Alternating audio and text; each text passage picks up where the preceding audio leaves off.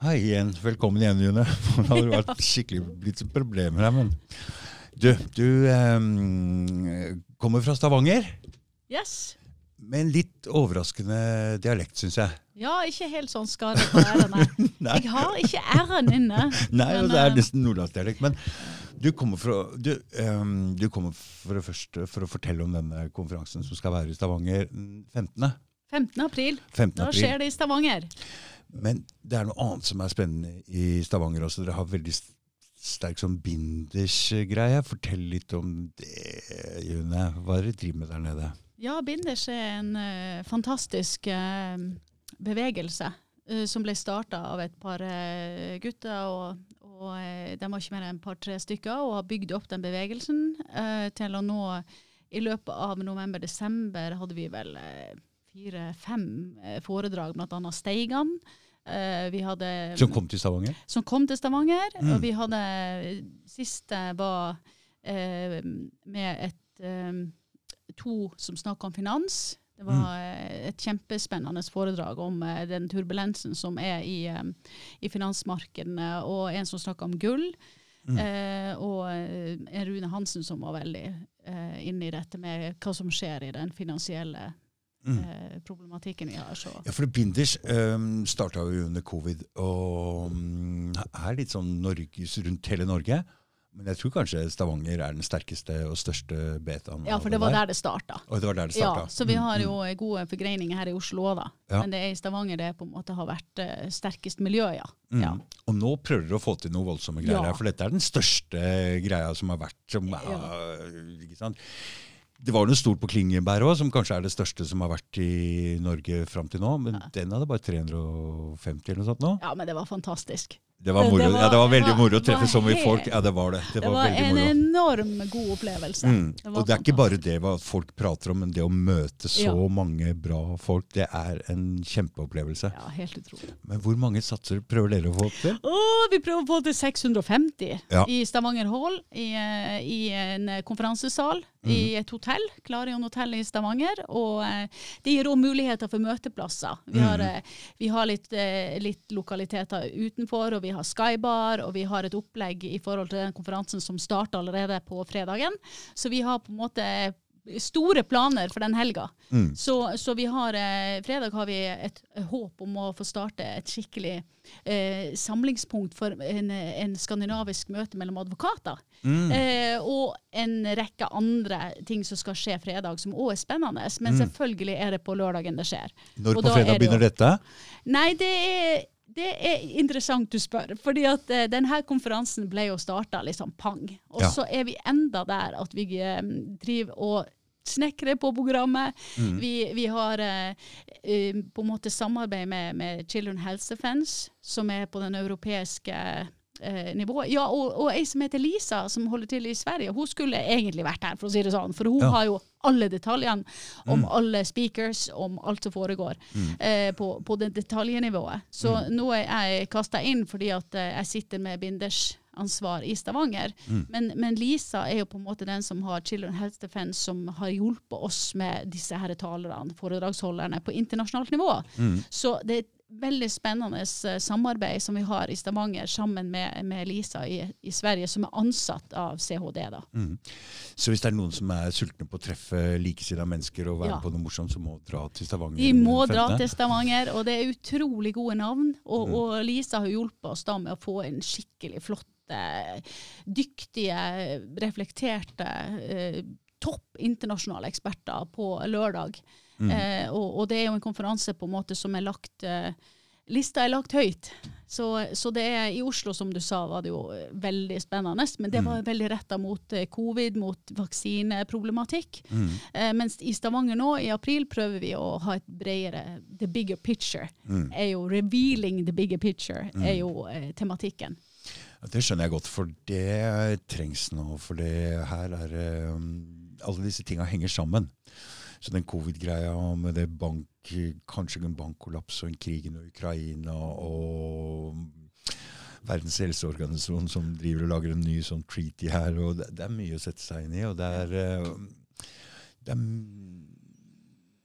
For å få en forståelse av ting, så må man mm, prøve å sette seg inn i ting over tid. Det tar tid å bygge opp en forståelse av hva som prøver å, og, og hva som foregår i verden.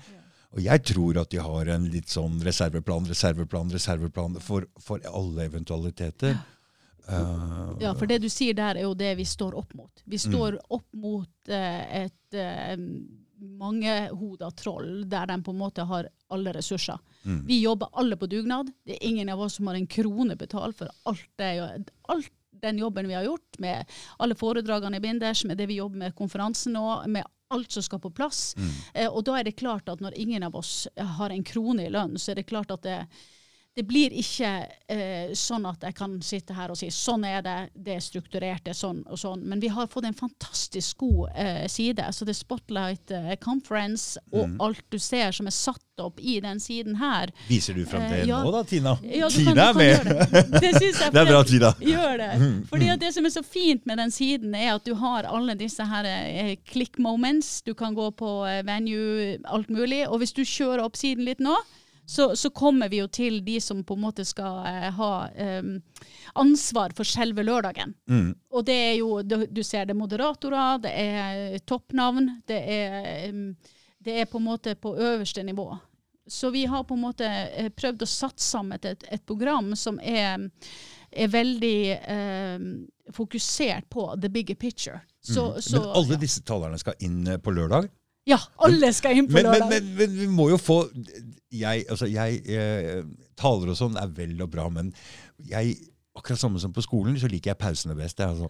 Eh, så vi må jo ha tid til pauser og Ja. få prate sammen nå, for det, Ja. det er jo det viktigste. Altså, jeg håper vel folk sover Ja. over og blir igjen på kvelden og får prate litt. Og, Vi har en spesialavtale med, med Klarion hotell på hotellrom, og vi Mm. håper selvfølgelig at folk eh, blir over helga. Vi har Skybar på, på hotellet, der er en fantastisk møteplass med utsikt over Stavanger. Mm. Uh, og vi har på en måte mulighet til å, lage ulike møteplasser rundt eh, konferansen. Men, men det som er viktig å si, er at eh, Konferansen skal selvfølgelig ha et faglig innhold, som våre internasjonale eksperter og, og eh, Halvor Ness og Kjetil Elvevold, som er fra Norge, da, og, og alle de andre internasjonale eksperter, at de setter sammen det faglige, sånn, sånn som vi så på Klingeberg. Det var jo kjempeinteressant. Ja, ja, ja. Det var jo fantastisk. Men like viktig er det du sier om møteplassen. ja, det er alltid det jeg syns er det Ja, det er viktigste, for det er det som gir Energi, noe, ja, ikke sant? Og det å treffe folk. Og nå, eh, spesielt under covid så satt det blir mye at du sitter aleine og sitter på nett. Og det å kunne treffe folk, det Ja. er en uh, helt spesiell greie. Det er det. Og vi har jo buffé, selvfølgelig. En, en lang buffépause i lørdagen. Mm. Uh, Som er, som er på en måte uh, lagt selvfølgelig opp for at det skal da spesielt være en minglesekvens. Og så har vi spesielt eh, lagt vekt på det på kvelden. Altså etter konferansen er det jo er det, det er jo litt ulikt Oslo, for Oslo hadde ikke noe etter Nei, konferansen. nei, nei, Mens vi, vi var veldig opptatt av at dette skal være en konferanse der alle skal få mulighet til å møte speakers. Mm. Så, så det som er med, med den banketten etter konferansen, er at der har alle eh, på en måte mulighet til å, å, eh, å delta, og det vil være kjempeinteressante eh, Vi legger opp til sånne små eh, fem minutt, to minutts talks fra, eh, fra, fra navn som, eh, som vi kjenner godt igjen, både nasjonalt og internasjonalt, som da ikke fikk plass på programmet Oh ja, så det er enda flere ja, enn så disse. det, det er enda, enda flere, og Ja, mm. enda bedre speakers Ja. som kommer eh, eh, Ikke bedre, men selvfølgelig på samme nivå. Mm. Så alle har jo noe å bidra med. Det må jeg si, Dag Thomas.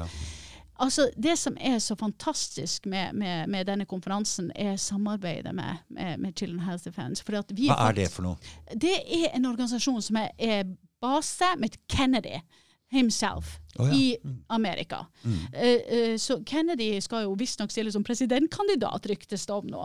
Ja. Og han, vi er på nivå med han nå. Så den avdel avdelinga som er i Europa, det er den Lisa har ansvar for. Mm. Men, men vi har på en måte da mulighet til å komme opp på det internasjonale nivået med denne konferansen. Så det vi ønsker er selvfølgelig å få en sånn symmetri mellom eh, nasjonalt og internasjonalt nivå. Og Derfor så tok jeg dette her med, med banketten etterpå, at det er ikke bare de foredragsholderne på dagtid som er interessant. Hele lørdagen er veldig interessant. Så folk må bare være til søndagen. Ja, så sånn må- er det. Mm. Ferdig med det, liksom. Jeg reiser jo sammen med to veldig interessante mennesker, så jeg det, føler ja. meg veldig beæra. Du kommer, ja? Ja, ja, ja, ja, jeg kommer Ja. selvfølgelig. Kan jeg spørre hvorfor du kommer? Hva er din intensjon? Nei, jeg så dette her, og jeg, jeg veit at det sånne ting er eh, å treffe folk og alt det der. Og jeg, mm, så jeg ringte Silje og hørte om dette her. Ja. Og så hadde jeg lyst til å invitere noen med. Og så var det noen andre som ville være med. ja, flott. Og nå prater vi om uh, virkelig bra folk. Så jeg har, eh, jeg har fått nye venner som uh, Altså, jeg vil ikke si noe mer om det. Ja, men eh, tusen, tusen takk for at du sier det, for det er Mm. litt av intensjonen vår med eh, Bra folk. Jeg har Eh, fått så eh, mye eh, bra, Ja, nye venner. Og, og vi ønsker en bevegelse. Vi Mm. ønsker på en måte, ja, faglig, men som du sier, det med at du inviterer med, det er at vi på en måte blir større og sterkere. Det, det, vi må ha en bevegelse som gjør oss større og sterkere. Mm. Sånn at de som på en måte eh, nå føler at de er ganske alene, veldig mange har følt seg veldig alene veldig lenge, men fra Klingenberg litt, fra konferansen, så tror jeg at vi har fått i stand en bølge her som gjør at eh, akkurat det at alle som nå har kjøpebilletter, som har tenkt seg hit til Stavanger, ta med venner, ta med folk, sånn at vi får i gang noe stort som i etterkant nå kan bli en sånn Nå må vi stille sterkere. Og denne gangen så skal jeg faktisk ikke spørre om å få gratisbilletter. Jeg skal betale bare for å støtte opp om eh, Men da, Thomas, det, det er nydelig at du sier det, men, men det er helt fantastisk. fordi vi, vi, Det som er fantastisk vi har, Jeg har lov til å si at vi har eh, Jeg kaller han bare Mr. M. Vi har en Mr. X som holder på med sin eh, Karma One-organisasjon. Ja. Men han her, Mr. M, da, han, han er helt genuint opptatt av denne bevegelsen. Mm. Og han har klart å hente inn masse sponsorpenger.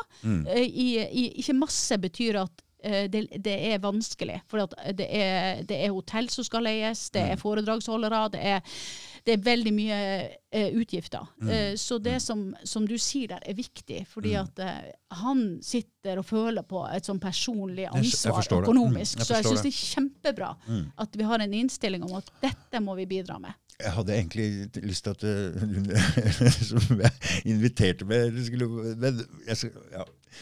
ja. For var? Hvem du tenkte nei, nei, nei, nei, nei, jeg gidder ikke si noe navn. Men, Men det, du klarer det. nei, nei, jeg vil ikke. Men det kommer kule folk sammen med meg, for å si det sånn. Så Det bare dem, bare, bare dem er verdt å dra for, for å si Ja, det sånn. veldig bra. Godt du sier det. Vi har masse kule folk som kommer. Det vet vi allerede. Mm. Det er, men det koster litt penger. Ja. Ikke sant? Det er flybilletten. Den, den var faktisk ikke så dyr, men uh, det er jo Tog. Jeg har sittet på åtte timer i tog Ja. hit for å møte deg, Thomas. Ja, Og folk fra Oslo kan sitte åtte timer på tog. Ja. ja, nei. Det blir fly, det går fortere, ikke sant. Og så Jeg jobber, vet du. Ja, de fleste Så gjør jeg må jo jobbe først på, fredagen, så drar vi etterpå på kvelden. Ja. Og så bare flyet jeg rett dit. Mm. Men, um, Men vi har et opplegg på søndagen òg. ja. Eh, sånn at eh, hvis du går glipp, hvis du kommer sent fredag, så går du litt glipp av litt kanskje som foregår. Men, men eh, vi har hele helga nå, og vi som sagt, vi, vi, vi Hva det heter for noe, ordtaket? Vi, vi går så løypa går mens du Ja, ja, ja. um. You know what I mean. ja, ja, det er sånn jeg er- driver med den podkasten. ja. ja. Det så masse- det du sier, det, det er så kule folk at vi får til så mye gode ting den Mm. helga sammen. Men eh, nå har vi prøvd å sette oss litt inn i hvem er det som kommer? Ja. Mm. Og da Du sitter jo og pugger litt på fly, jeg på toget her, og det er masse lister, og vi har googla litt, grann og sånn, for jeg kjenner jo ikke til disse folka her. Nei, vi kan, eh, vi kan begynne med, eh, med på en måte øh, Hvem vi begynner med? ja. Vi begynner med Halvor Ness, fordi at eh, Halvor eh, Ness er jo et fantastisk uh, godt uh, navn. Ja, ja. Mm. Han har jo på en måte uh, vært den ene flotte, store, gode legen i Norge. Jeg Mm. husker så godt han kom på TV 2. Jeg tror det var åtte måneder med 'Unnskyld meg' propaganda før det kom én stemme mot, og det var Halvor Ness. Mm. Og jeg husker det så godt, for jeg la han ut på min Facebook-side. Mm. Og plutselig hadde jeg nesten 1000 like. Never happened before. Men det var akkurat fra det filma det Halvor Næss sa i TV 2. Mm. Og folk så at her var det en stemme som ikke var blitt hørt. ja, han tør. Han tør å Han har vært her på podkast. Ja, har han det, ja? Ja, Ja. det er en virkelig Fantastisk bra mann, og det er en mann som ingen kan kimse av. Altså. Han er både, han er både er professor og professor, ja, ja, ja. Han er altså indremedisin, nevrologi. Han er jo eh, Han har skrevet Jeg tok med den der boka her, for den syns jeg er veldig god. Har du sett den? Nei. Det er 'Maskefall'. Den er oh, oversatt til norsk. Og der har Halvor Næss skrevet forordet. Her er Det gullpoeng i den boka der. Og Halvor er, er på en måte i, i alt. Det som han uh, var så opptatt av, det var jo at han i Bergen uh, var utsatt for en sånn uh, stor influensapandemi. Så han har jo vært med på akkurat det der. Og når han så dette her, så tenkte han hva i all verden er det de driver med her? Det er ikke sånn det gjøres.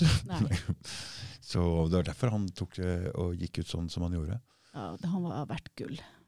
Jeg gleder meg veldig til å høre på han, for jeg har ikke hørt han i et sånt foredrag. Så det er veldig, veldig interessant å høre hva han skal legge vekt på, og hvordan han kommer til å vinkle det. Og han har jo som sagt oversikt over alt.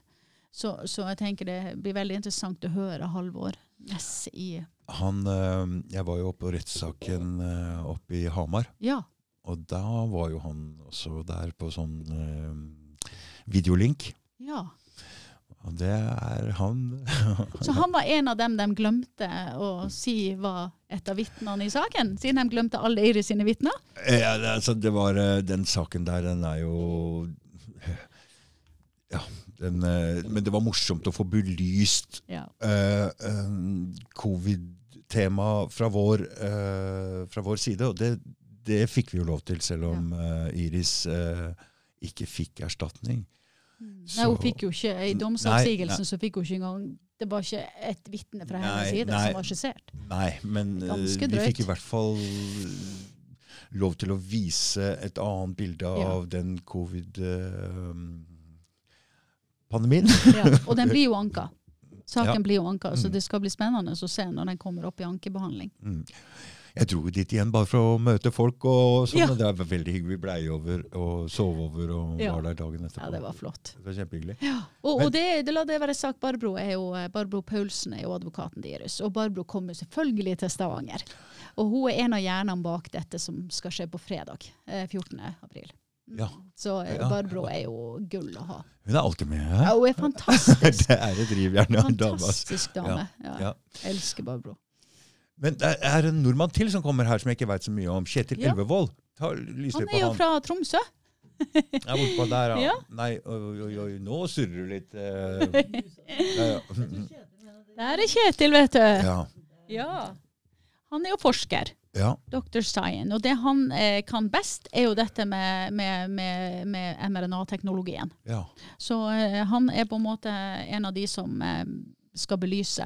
Hvor er det han kommer fra? Han har jeg ikke klart å få inn på noen er Tromsø. Tromsø. Ja, det er, ja, det er ja, lengst ja. unna. det Jeg, har veldig, jeg gleder meg veldig til å høre hva Kjetil har tenkt å si. Altså. For han er også en av dem som tør her i Norge. Ja. Han er en av de som tør. Og jeg vet at det har vært en rettssak i Tromsø òg. Den var i desember. Mm. Da, da var, vet jeg Kjetil var, var, eh, var involvert. Mm. Hva gjaldt den rettssaken? Det? Ja, det var, eh, det var denne her eh, Hvis jeg ikke tar helt feil nå, så var det den der Grense, grense... Grensepasseringa. Stemmer, ja. Mm, mm. Så eh, den der karantenetiden og, og pål, på, pålegg om you know, vaksinestatus Mm. kontra karantene. Denne kjekke problematikken. Mm. For en greie vi var gjennom der. Ja, det, det er nesten som man ikke Når man tenker tilbake, så Ja. virker det som at det bare var det en drøm. Ja. Det, det, er det mulig? Du Ja, skulle det ikke få var- reise til hytta i Sverige? Nei, det var altså så Jeg har jo fot, du ser jeg har fotballbane rett utafor her. Ja. Og det var altså en periode hvor det var ikke latter eller glede i hele verden. Det var ikke lov å le, det var ikke lov å leke, det var ikke lov å danse. Det var ikke lov til noen ting. Så når jeg først Det kom barn her og spilte på banen igjen, så tenk, hørte jeg plutselig Mm. Oi! Det var sånn det var. Lyden av lykke! Ja, barn som leker og Ja. sånne ting. hadde også vært borte i, i lange perioder. Ja. Det var uh, Helt forferdelig. Merkelig. det er jo sånn at det viser seg jo nå i ettertid, uh, ut ifra akkurat en nylig undersøkelse, at barn og ungdom er faktisk uh, den minst lykkelige generasjonen vi har i Norge nå. Det tenker jeg er veldig alvorlig. Og jeg vet- jo, jeg ja, har fordi ja. Et år eller halvannet år av et barns liv Ja. ikke sant? Det er mye! Det er mye! Ja, ja. Ikke sant? Ja, og jeg har jo ei lita Den minste min er jo bare elleve år, og jeg tenker det at eh, det jeg har sett som en alvorlig konsekvens, er jo at de ble jo sendt hjem til skjermene. Og det Mm. betyr at nå er de i en sånn state of mind der du ser ikke bare ungdommene som sitter på skjerm, men også disse her som er så små. Mm. Og, og det, er, det er ganske alvorlig at du på en måte har en situasjon der, eh, som du sier, eh, det der med latter, kreativitet Altså, det er Disse her ungene er jo fort opp nå med Chromebook på skolen, skjerm. Eh, jeg har vært litt frustrert, for det har vært 90 minutts time når hun begynte å være fem år og begynte på skolen. Altså, så det er noe i gang å gjøre her som er ganske alvorlig. Det er det. det er en, du ser det når vi treffes uh, utenfor skjermen, altså Ja, vanlig. Ja, ja. Så oppfører vi oss ikke sånn mot hverandre sånn som vi gjør på nettet. Nei. Der er folk så frekke, Ja. så sinte, så Det er ingen som oppfører seg sånn i vanlig. Nei, og du, du snakker om oss som har stått i denne striden her, da. Mm. Vi har fått eh, mange lite hyggelige kommentarer og innboksmeldinger, og det har vært eh, tøft. Eh, så igjen tilbake til konferansen, Mm. så tenker jeg at eh, det vi har opplevd som har stått i dette, har vært veldig ja, lite hyggelig, da. Men, men Mm. eh, når Klingenberg kom, så var det som du sa, yes! Mm. Så mange proffe folk, så flinke, så reflekterte mennesker. Og vi var så mange! Mm, Vi var så mange! Ja, mm. Og nå skal vi bli enda mer, dobbelt i Stavanger. ja. ja det, det blir kanon! ja, det, det er. For det er noe magisk som skjer når det treffes mange mennesker. Ja, Som, som er av den typen. Åpen, ærlig Dag Thomas, det, det leder meg inn til uh, Asim uh, Malhotra. Han kommer. For nå har vi gått gjennom de to norske, og nå er vi over på Asim. Og han er jo en britisk kardiolog og forfatter. Hva er kardiolog, du? Det er en sånn som skal ha skikkelig ekspertise på dette fagområdet. Altså, han har jo Vet du det, forresten? Nei! Nei, nei. Jeg må jo bare innrømme at jeg, jeg vet at jeg har Jeg lurer på om Halvor Ness er det samme. skjønner du? Så det Ja, er, ja. Og de har i hvert fall en, en en veldig ekspertise på fagområdet her. Mm. Og, og det betyr at, eh, som sagt, eh, Asim Malhotra eh, var veldig Alltid vært for vaksine. Han var for covid. Han var til og med en av de som den britiske regjeringa brukte som sitt eh, sannhetsvitne på at alle måtte ta covid-vaksiner. Mm. Eh, og så eh, tok han to sjøl, og så tok faren eh, disse her vaksinene, Mm. og døde. Og etter det så har jo på en måte Asim Malhotra gått helt inn i materien, Mm. brukt sine sant, evner som kardiolog, altså som lege, til Mm. å undersøke, gå gjennom studier, gå gjennom bevisene, gå gjennom det som faktisk de kaller eh, effektiv og trygg vaksine Mm. som han bare har plukka fra hverandre. Og han har jo nå advart sterkt mot å ta flere. Den her, de kaller det booster. Og, og han er jo helt overbevist om at faren eh, rett og slett ble tatt av de skuddene han fikk i armen. Mm. Og det er jo den oppvåkninga av Sim Malhotra som var i november, som jeg syns, han var helt fantastisk. Var han på Klingeberg òg? ja, han var det. Mm, Og det, det. han var bare utrolig god. Han, Mm. han er bare min favoritt. Han er så flink å formidle. Mm. Han er så saklig. Han, han har på en måte statement som er eh, Han har en Jeg leste i dag han har skrevet at uh, dette med demokrati eh, og, og, og på, på norsk blir det at for, for at vi skal kunne ivareta vårt demokrati, så kan vi ikke være stille. Vi kan ikke uh, sitte i ro og tro at f.eks. politikerne skal ordne opp. Og det har vi jo fått erfare. Ja, det er eh, veldig viktig, men det her er folk tør nesten ikke snakke. Men ikke sant, de er i en jobbsituasjon hvor kolleger og så liksom Folk tør ikke å, å, på Facebook ingen steder å mm, For det er Vi sitter jo i en økonomisk klemme, så må vi ha en jobb. Ja. Og det er jo klima på jobben har jo mye å si. Ja. Og det er jo rett og slett mange som ikke får lov til å legge ut hva som helst, som har en jobb som de ikke får lov å legge ut hva som helst eh, heller på Facebook. Ja. Så det er en sånn uh, Og når du snakker om det, Dag Thomas, da må vi pense inn på dette med sensur. Altså, at de av oss som har stått i denne kampen, vi er godt sensurert. Og det gjelder lille meg, som har vært ute i 30 dager ganger tre. Altså 90 dager tok Facebook meg ut, f.eks., i løpet av en kort periode. Mm. Den vinteren det sto sånn på. Og, og, det leder meg opp til den ene. Jeg tror det er uh, Elsa eller uh, Sonja. Um, som, som, som, skal snakke spesielt om det, den tematikken. Um, ja, det er det ikke. Prøv Elsa. Uh, ja, prøv, prøv, å se. Elsa er jo da et parlamentsmedlem i Sverige. Mm. Um, hun er jo da en uh, aktiv politiker. Uh, og en veldig interessant foredragsholder for oss. Um, klarer du å klikke Ja, der er hun, ja. Unnskyld. Um, og hun har på en måte Elsa er ja, hun har gått, Du ser problematikken hennes jo også innen klima. Så ja. det blir jo spennende å se hva hun kommer med. Ja, er, ja det er um, Sverigedemokraterna som tør. Det er de som tør. Ja, Det er jo samme i Norge også. Det er jo eneste som tør å si noe, er jo Norgesdemokratene også. Ja, de er jo... Men, de er jo et mye mindre parti. Men i Sverige er, har de litt størrelse. Ja. Um, skal vi se, Prøv å hoppe til hos Sonja. Ja, men hun finner ikke sånn. Jeg skjønner. Ja, det var det det var. Det, da er det åpenbart at hun skal Da er det åpenbart at det var hun som skulle snakke om sensur. altså, ja. face it, der har vi det. Uh, det. det. er i hvert fall sånn at en uh, stor del av problematikken og det med ytringsfrihet vil legges inn i denne konferansen, fordi at vi vet at stemmer blir sensurert. Uh, og, og, det må jeg bare si, i Dag Thomas, at Stavanger har jo, om de har fått det til, uh, det tror jeg, men i hvert fall ledende politikere i Stavanger skal jo ha Stavanger som ytringsfrihetshovedstad. Oh, ja. Så vi er veldig opptatt nå av å utfordre disse Stavanger-politikerne på OK, skal vi være ytringsfrihetsby?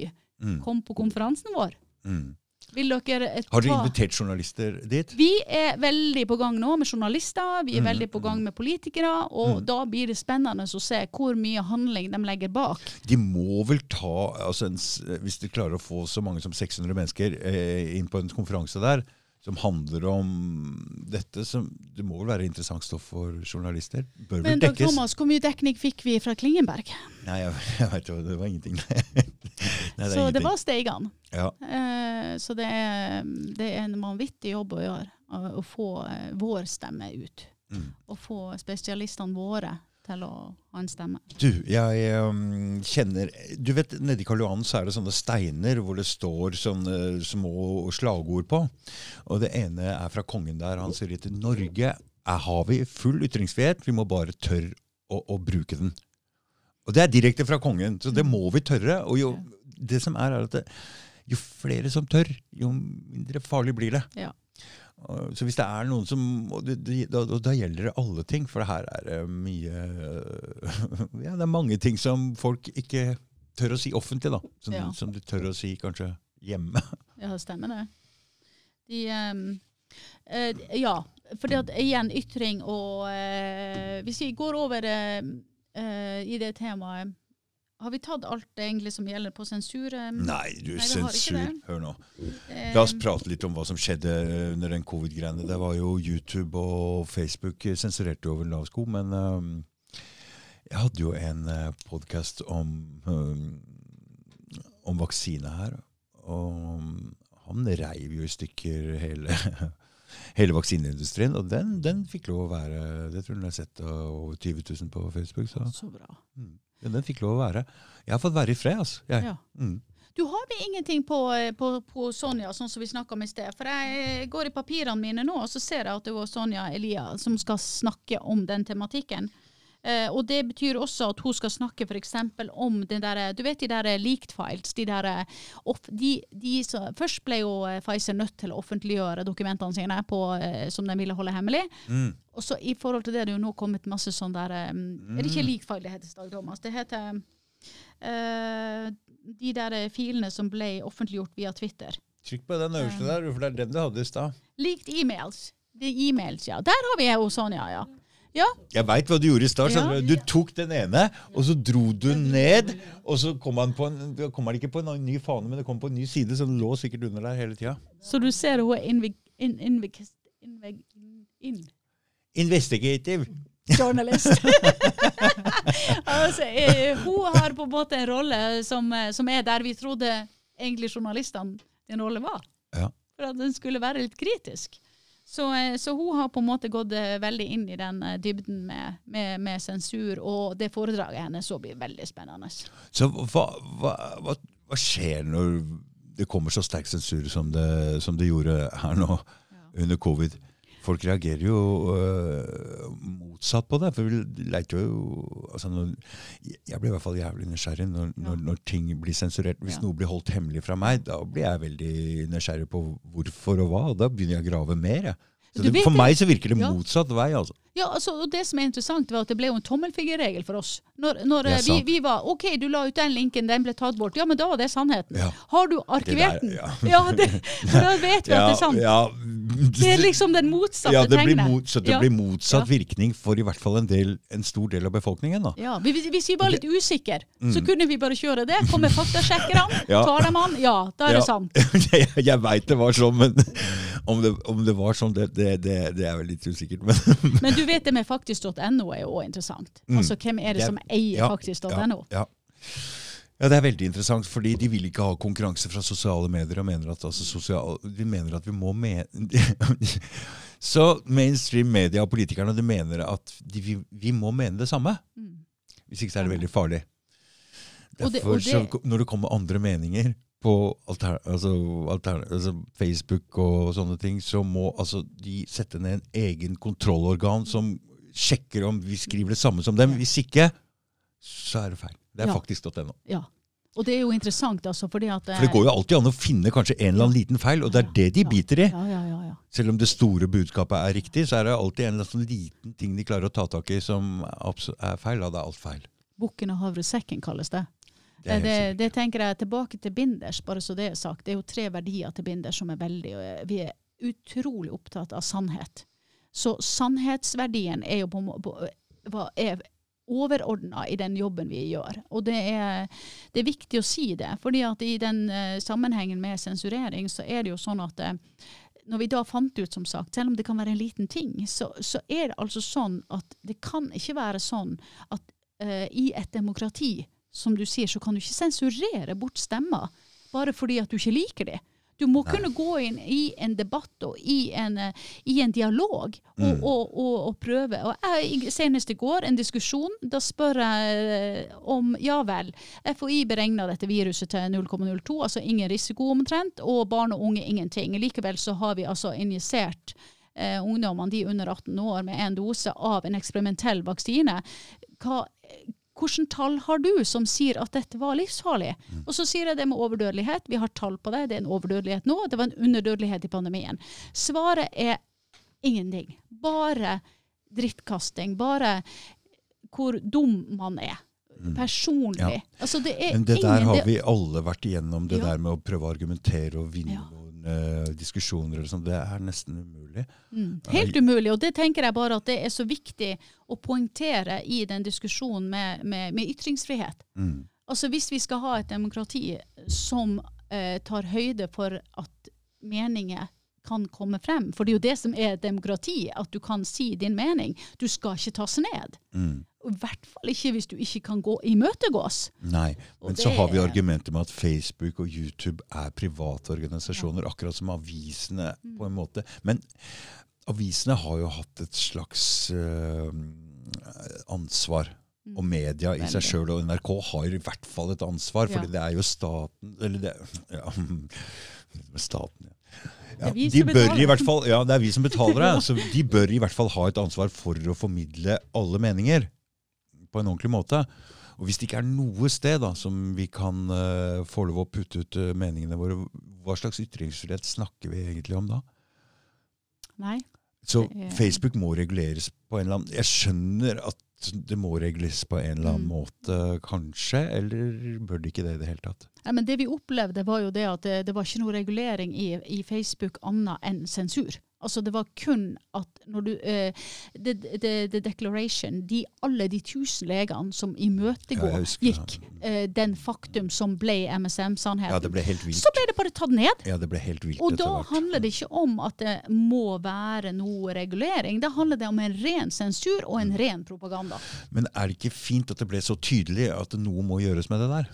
Ja. Når det ble så mye sensur av helt legitime stemmer, Ja. så ja, men da må vi, er vi nødt til å ta tak i det problematikken med Facebook og ytringsfrihet og YouTube og ytringsfrihet og, og media og ytringsfrihet. Og 15. april i Stavanger. ikke sant? Det er Jo. det som er poenget. Hva gjør vi? Mm. Altså, Vi kan ikke bare godta det. Vi kan ikke bare akseptere at uh, nå eh, er de i gang med en ny lovregulering som uh, handler om WHO. Og det, det leder meg inn til uh, Philip Kruse. Han er en advokat på øverste nivå. Sveits, kommer fra Sveits. Han har veldig kontroll på det som har foregått i WHO.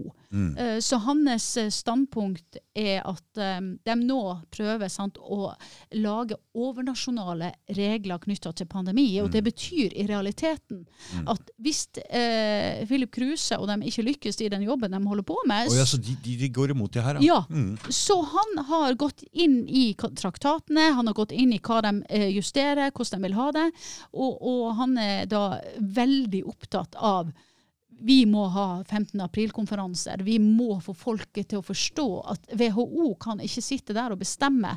Eh, og det er jo det som er faren. Mm. Altså, Ingrid Kjerkol, ministeren, har jo vært nede og signert. Ja. Og det er sånn at vi er nødt til å være veldig oppmerksom på den problematikken. Mm. Men du vet eh, hva de ser på som problemet? De ser på oss som Ja. problemet. Nettopp. Ikke sant? For at ikke alle fulgte regler og sånne Ja. ting. Vi, og jeg, hør nå, hadde det vært en ekte pandemi, så skulle jeg vært med på dugnader og båret lik og ordna opp og gått hjem og hjelpa til. Men det tullet de serverte her, og late som det var nok til å låse inn folk og knuse Det var bare tull. Så hvis de skal dra en sånn en gang til, med en overnasjonal styring eh, fra WHO, og så skal de bare, de norske politikerne si at ja, men det har ikke vi noe med? eh, sånn. Jeg ser på dette som et våpen, den lockdownen. fordi hvis det blir en økonomisk kollaps, og hvis det blir skikkelig store problemer her, og folk vil ut og demonstrere og blir virkelig sinte, altså de kjører bare en pandemi altså Det er en utrolig effektivt våpen da, på å si at det er ikke lov å gå ut nå. Mm. Er det lockdown? Mm. Det er en, justerte ned også hva egentlig hva er en pandemi. Mm. De Ja, de, de justerte jo ned begrepet. ja, de justerte Ja. ned begrepet Ja, det til til kunne. Det epidemi ble altså plutselig ikke, pandemi. Når det er så Mm. mange ting som peker på Ja. at dette må virkelig passes på, for det er en utrolig smart måte å, ta kontroll over hele verden på. Ja. Og det er veldig interessant å se på hvordan, den, eh, eh, hvordan de gjør denne prosessen. fordi at eh, vi må huske på at eh, vi kan tross alt velge eh, våre politikere som sådan. Det er en diskusjon, men i hvert fall så er det sånn at WHO har i hvert fall ingen valgte. Nei. Har i hvert fall ingen som står til ansvar for folket. Og, og det vi gjør da, er rett og slett at vi gir opp et et såkalt folkedemokrati til en instans over oss, der det sitter altså Vi vet jo at han som leder WHO er korrupt. Altså Du vil få en korrupt eh, eh, beslutning av eh, problematikker som du sier kan ende opp med å stenge oss nede. Mye mer alvorlig enn EU å gi fra oss makt til EU. Stemmer. Ikke sant? Ja. På en sånn liten Ja. helseminister som Ja. skal gå under og skrive under på noe sånt. Det der er helt, det er helt vilt. Det våpenet må vi ikke la dem få. altså. Nei. Og Det det er er, når vi så hva slags lockdown og vi så i visse land hvordan de gikk til verks Ja. mot folk, Ja. som i Australia og Canada og Ja. ting, det er, de, altså, de slo ned folk. Altså, tvangsvoks Dette skal vi ikke Dette kan vi ikke Her må vi Nå må folk våkne opp. ja. Vi er nødt til å stå imot den. Ingen tvil om det. Skal komme igjen og prate litt om den der pandemitraktaten, eller hva, hva det er for noe, det, hva de driver med nedi. WHO der. Ja, det er viktig. Yes, Skal vi gå til en til av foredragsholderne? Du, hva driver, vet du hva han driver med, han der Philip Kruse? Driver de altså prøver å jobbe mot at det der skal være lovlig? Ja. Mm. Dem er, dem er, eh, og det kommer han jo og forteller om. eh. Hvis det, du kan finne Den er litt kul, den eh, forsida. Eh, og under han uh, Hvis du er her uh, Vi er overalt med den pila, ser jeg. Der på den derre der Spotlight Conference Spotlight Conference, her er hovedsida, så går du ned. Dette kan jo alle gjøre. Så bare gå på siden vår, og så hvis dere går ned her, så ser dere jo alle som foreløpig international speakers. Og helt på slutten der så kommer det en som heter Philip Kruse. Det er advokaten. Mm. Og da er det jo sånn at det han spør om WHO og SARS-CoV-2, what is the most dangerous? Så det er jo et interessant eh, eh, oppsett av problemstilling. Ja, ja. Ja. Og, og så er det sånn, og hva skal man da forvente fra WHO i fremtiden? Og dette kan han. Dette er han helt inne i, og det blir veldig spennende å høre på hva han har å si. Og jeg regner med også Men han, jeg fikk følelsen av at du sa at de prøver å jobbe mot det der, på en eller annen måte. Ja, fordi at eh, problemstillinga hans er ikke sant, er det virus eller er det WHO som er farligst? Ja, men Altså, så, så, ja. Har de en sak, en internasjonal Ja, de jobber eh, på, på, på legal level. Altså eh, jurister, toppadvokater som driver nå og ser eh, hvordan Om det er der kan være lovlig? Ja, Mm. og de har allerede Hvordan kan man gi fra seg all makt? Nettopp. Fordi der er all makt. Nettopp. Og det han var opptatt av eh, i den siste som jeg hørte fra han, var jo at eh, det er folket. Det er folket som må våkne. Det er, det er sånn at det er Skal vi godta eh, å bli styrt Mm. fra andre enn de vi har valgt, eller, eller, eller gir vi opp? Altså Det er virkelig sånn at han er veldig opptatt av Og ikke bare styrt, men altså låst inne. Ja, nettopp. Hæ? Får ikke lov til noen ting? Er det den ikke lov, verden? er det sånn vi skal ha det? Ja, det er den. Vi har jo fått en liten smak av den verden i, Ja, i vi, har fått en, 2020. ja, vi fikk en liten smak. Ja. Så jeg tenker det er, det er ikke den verden jeg ønsker, og i hvert fall ikke for mine barn. Det er det skumleste som Ja, veldig skummelt. på hver gang. Det der. Skal vi se om vi skulle ta eh, gjennom eh, de eh, Nå har vi vært igjennom mange, men vi har faktisk eh, hun som er litt eh, toppnavnet vårt, Alexandra Latpova. Utrolig dyktig dame. Og hun er nesten the headspeaker, for hun er utrolig flink eh, å komme med Vi har henne, vi skal ha henne her oppe. Jeg veit hva hun der har gjort, skjønner du. Å ja, han er litt tull, ja. ja. Ja, det var hun, stemmer det? Ja. For jeg kan jo bare si at hun, eh, hun er på en måte en sånn eh, type eh, varsler. Hun er helt sikker på at det som de har gjort via eh, vaksinen, eh, skudden i armen, er eh, did with altså intent. At dette er, dette er noe de, de ønsker å gjøre, og da er vi over på depopulation. Så hun, eh, hun er steinklar på det, og hun har enorm erfaring på fagfeltet. Og hun kan dokumentere. Eh, hun kommer fra Amerika, eh, så hun har vært helt inne i vepsebolet. Jeg veit når, når det blir en sånn svak pandemi og en sånn press for å ta en vaksine, så må man få lov å lure på hva i all verden er det her for noe. Men å gå derfra til å tro at det er en depopulation um, som Tina sier, at det kan være en slags infertilitet, infertilitet altså at man blir, eh, at ikke kan få barn. ikke sant? Det, det har vi jo Det har vi tall på. det, det kan vi kanskje forstå at siden det var mye blødninger og sånn, som, Ja. ikke sant? Så, fra, så det kan vi jo forstå at det er. Um, jeg kjenner mange jeg, som tror at dette her er um, en slags sånn depopulasjon-greie. Jeg forstår godt tanken. Jeg er ikke helt der sjøl. Jeg venter. Jeg sitter på gjerdet og, venter og ser litt. uh, Men det skal vi gjøre, og vi skal ikke konkludere. Det som er fint med Alexandra, er at hun kan gi oss en faglig backing på, eh, på det som på en måte vi lurer på, Mm. eh, i forhold til å dokumentere det. At det ikke er noe vi er sånn er det det eller er det ikke? Så Mm. Alexandra kommer til å bli veldig interessant for å høre hvor mye lar det seg dokumentere. Og så er det jo viktig å si at eh, vi vet jo at det er ulike batchnummer. Vi vet at det er noen av disse dosene som er bare placebo, um, og noen som er mye farligere. Mm. Og det er det ingen tvil om. Og vi har jo tall nå som viser at eh, vi er faktisk i en overdødelighet på over 20 Ok. eh, i 2023. Og det er jo eh, tall som ikke er spesielt hyggelige, og som på en måte òg må sammenstilles med dette pandemiåret. For da var det underdødelighet. Så det viser jo, fakta i ettertid viser jo Det som er meget suspekt med det her, det er at uh, Nordmomo, eller det dødelighetsstatistikken i mange land eh, er tatt bort. Mm, Ja, stemmer. Under covid så fulgte jeg veldig med. Jeg hadde aldri sett det før. Euromomo, jeg fulgte med på liksom alle disse statistikkene over land og sånne ting. Og det var jo veldig spennende, det, og det ga meg et ganske bra bilde. Men nå er det borte. Ja.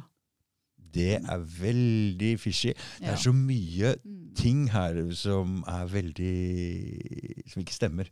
Nei, og Det er jo interessant at eh, vi satt daglig og fikk presentert tall for hvor mange var syke og hvor mange var døde, i, og, og, og kjempekjør eh, Mm. frem til vaksinen kom. Og da var jo alle så redd at da tok jo alle denne sprøyta.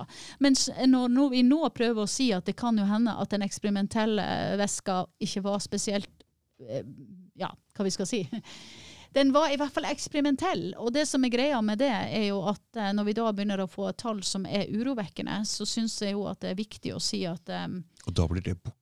Det er veldig uh, Og FHI fishy, klarte jo å altså. beregne, og det er jo litt av den vi snakker om ytringsfrihet. Altså han eh, Truls, eh, er det Melhus Ja, Olufsen Melhus. Oluf Melhus. han, uh, han var jo hos oss bare som by the way eh, på Gaffel og Karaffel. Eh, Mm. Nei, han var, på Binderskafeen. Etter vi hadde hatt Gaffel og Karaffel mange ganger, så hadde vi en kafé som også var veldig bra.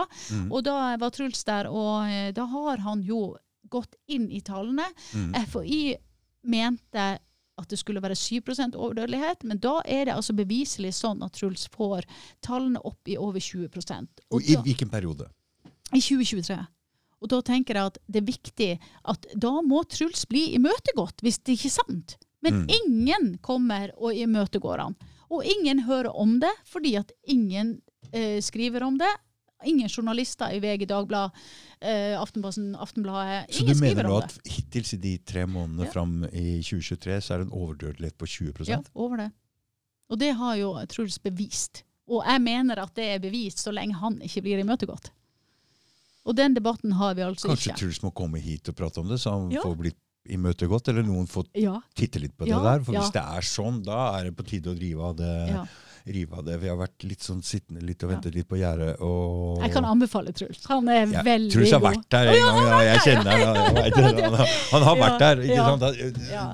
Det var noen politikere som turte å snakke ut. Ja. så, så, Han og Jarle, vet du. Kanon gode folk. Og det var artig når vi var samla. Igjen det vi snakka om i sted med møteplass. Når vi hadde den kafeen, så eh, var det jo eh, liksom eh, Truls og, og Jarle som var på scenen. Men da kom jo Susanne Susanne Hart, som, som er hos oss i Stavanger, og, og var sammen med de. Og de snakka litt om den perioden. Og, og det var det, Som du sier, det er en helt spesiell energi når vi møtes. Og spesielt eh, jeg tenker den gjengen vi er. Altså den der med at vi har tort, vi har våga å komme frem, og vi har uh, tort å stå i det. ja da. Det er en spesiell, Ja, det er, det er en spesiell gjeng. Ja, det er det. Og vi vil så mye, vi har mange flere med oss. Hvordan skal vi klare det? Ja, det er jo det. Det er det vi på en måte forsøker nå. Vet du hva jeg nå. finner ut nå? Så Å drive og argumentere på nettet med folk og prøve å overbevise dem med argumenter, det Nei, går ikke. Så jeg er bare, siden jeg er- driver den podkasten, altså folk veit hva jeg mener, så bare gidder jeg ikke snakke mer om det. Så bare prøve å være mest mulig ordentlig eller saklig. og Sånn, på, sånn at folk sier ja, men han virker jo normal på andre måter. Ja, ja, riktig, så, riktig. så kanskje det er noe i det allikevel. For det, ja, jeg, har ikke funnet helt måten å Men det bringer meg jo inn på at det jeg opplever Dag Thomas, med det vi har rundt oss, er at de er veldig opptatt av f.eks. kosthold, av eh, eh, problematikk som gjør eh, styrke kroppen din, Ja, men eh, dette, er- dette handler, det, alt dette handler Ja. egentlig om å være mer ansvarlig. Ja, ja ta ansvar i eget liv. ansvar litt. Ikke la andre fortelle deg at du skal ikke gå til din bestemor og gi henne en klem. Nei, altså Det, er- det er nesten sånn at eh, de, Tenk alle de gamle som døde alene på den perioden. perioden. ja, ja, vi, det er, det er eh, Og sånn kan vi ikke ha det igjen. Nei. Så vi, vi er nødt på en måte til å så, eh, eh, Som du sier, vi må finne på eh, Denne konferansen i april er jo som sagt en eh, videre, det er jo videre Det er jobbing på. Det på november. Ja, ja, jeg, og det forstår og det er bra. Mm, og det at dere tar inn så mange temaer Ja. også, for det er- henger hele, hele den bildet her. Vi, som sagt, jeg, jeg sa helt på begynnelsen her også, for å få en forståelse av noe så stort som det her, så må det tenkes på, det må jobbes med det må, forståelse kommer ikke av seg sjøl, og den har mange nivåer også. Og det er ingen, ingen av oss som kan si at vi har rett. Det er ingen av oss på en måte som har en sannhet som er sånn to streker under. Og Derfor er vi nødt til å jobbe med det, og vi er nødt til å jobbe sammen. Og vi er nødt på en måte, det, det er jo en kjensgjerning at de av oss som har klart å stå i det, er ganske sterke. Det tror jeg på en måte ikke vil være å overdrive. Så det er klart at når Litt disse... selvskryt må, Ja, og, må men vi ha. vi skal gjøre det òg i den forstand at det kan fort bikke til at vi ikke klarer å jobbe sammen, fordi at vi blir såpass sterke. Og, og jeg er veldig opptatt av at jeg har sjøl opplevd eh, ting som ikke jeg syns er så kjekk fra mine. sant? Og det, det, men jeg er veldig opptatt av at vi må holde fokus på, på å stå sammen. Det her tror jeg nå har nå, ja, Det var um, så tydelig fiende vi hadde til å Ja. begynne med. Ja. Og når den fienden blir litt mer uklar, så spiser vi hverandre. Det er Ja. sånn um. Og det, det vil vi ikke ha. Vi Nei, vil, vil ikke ha vi vil være, vi vil være gode mot hverandre, og vi mener jo også at eh, vi jobber mot eh, som jeg sier, Davids kamp mot Goliat. Altså, Mm. vi er David, og Goliat er stor og mektig, og vi må ha alle vi kan. Ja, for det greia er sånn, også, så vi mener at det er viktig å ha andre meninger. Da må vi kunne samarbeide med folk som ikke mener akkurat det Stemmer. samme som deg om Stemmer. alt mulig, for det, det, sånn er det ikke. ikke sant? Derfor så må vi tåle at folk mener forskjellig om noe, men at vi kan samarbeide om andre ting. Ja, veldig viktig. Er, hvis ikke så kan vi ikke samarbeide. Nei, og vi må samarbeide, Vi for må vi, det. vi har ikke noe valg. Altså, det som jeg sier, fienden, eller på å si den her, eh, Vi jobber mot et samla regjeringsapparat og et samla stortingsapparat. Det er ikke én politiker som har tatt vår stemme på det nivået. De har, eh, når Susanne Hart, som har en eh, rolle i nivået under, på fylkestingsnivå, Ja. gikk opp og tok en stemme for de som er skada av vaksinen, Mm. helt neglisjert de, alle de andre politikerne i det fylkesstyret sa at vi har så tiltro til Stortinget som at de skulle gjøre jobben. så det der. Jeg Og, det, og, det mener, og med det mener jeg at vi skal tross alt huske at hvis vi har et demokrati De som mener at vi har et godt demokrati, skal huske at vi er veldig mange som ikke har en stemme i det Stortinget som er i dag. Og det er ikke faktisk en prosent, det er ganske mange av oss nå. Og det er det vi ønsker også å synliggjøre i, i april. Vi, vi er mange. Og vi er nødt til å ha politikere, såkalt folkevalgte, som også snakker vår sak. Fordi at du, det du er hadde litt eh, håp på han Mimir i Rødt. Ja, du. Mimir. Men, men, men, men jeg må bare si en ting. Rødt er dødt. Det var jo et. Ja. Men det er det.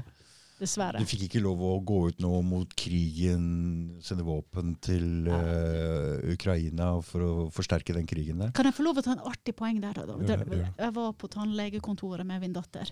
Der sitter det altså en elleveåring og får For jeg har jo selvfølgelig ikke på nyhetene hjemme, eh, når mitt barn er der, i hvert fall. Eh, og så kommer det Rødt. Eh, Moxnes eh, Rødt vil sende våpen. Og så ser min datter på den, og så sier hun 'Hvem er han?' Og så sier jeg han er leder i Rødt. Og så sier hun eh, 'Hæ? Sender våpen til Ukraina? Ja, men da blir jo vi en del av krigen, mamma!' Ja da. Elleve år. Mm. Så enkelt og så eh, spot on. På en måte er et stort, kompleks sak, selvsagt. Men det er Barnemunnen får ofte sagt ting veldig enkelt og korrekt. Og det har jo vært et antikrigsparti, eh, Rødt. Så jeg vet ikke. Nå er det ingen som Ikke engang der er det en stemme, en eneste en. Åssen er det i Sverige der med den Sverigedemokraterna? Tør de å si noe om den krigen der? Nei. Nei, det jo- Klima og, og vaksiner, tør de? Nettopp, ja.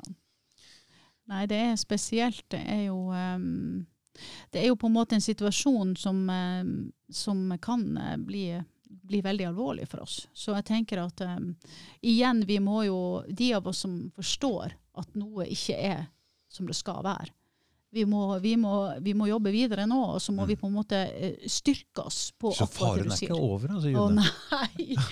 Nei, dessverre. Er- så så, så er jo jeg her nå, fordi jeg ser at faren er ikke over. På ingen måte. Nei. Dessverre. Mm. Jeg trodde liksom det er litt nå, men vi er bare midt inne i den og, sånn orkanens øye, eller sånn, så stille før stormen, eller et eller annet sånt nå. Det, det, vi, det, Det kan er- i hvert fall være det. Ja, det, det som er Det er opp til oss. Ja, og det som er interessant her, er jo at eh, vi, vi sa i sted at det er ikke noe to streker under svaret, men det betyr òg at vi må holde muligheten åpen for at det kan komme nye nedstengninger. Det kan komme en ny pandemi, som vi kaller plandemi. Det kan komme en situasjon der eh, Ukraina-Russland-situasjonen blir eh, eskalert. Eh, we don't know. Mm. Så eh, vi må være Og nå er det noen banker som går over ende. Og, Det ja ikke minst interessant. Det var veldig interessant. fordi Er det noe som får folk til å våkne opp virkelig, er hvis økonomien deres Ja. går i stykker. Ja. Da blir folk desperate, og det er Ja. da de vil ut i gatene. Ja. Og det er da det der våpenet fra WHO kan, Det kan veldig godt tenkes. mm. Men igjen, vi vet jo selvfølgelig ikke noe om det. Men vi vet at det er krefter i vår verden som ikke vil oss godt.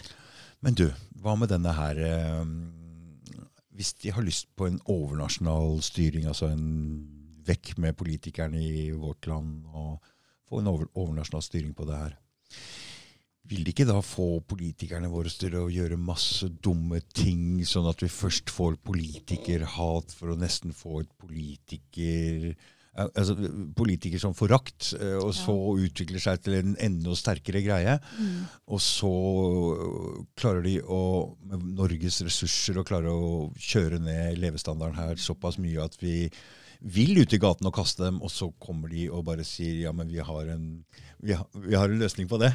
Det minner meg om at uh, vi har en eh, speaker uh, som vi har hoppa over, uh, som heter Jakob. Jakob Nord...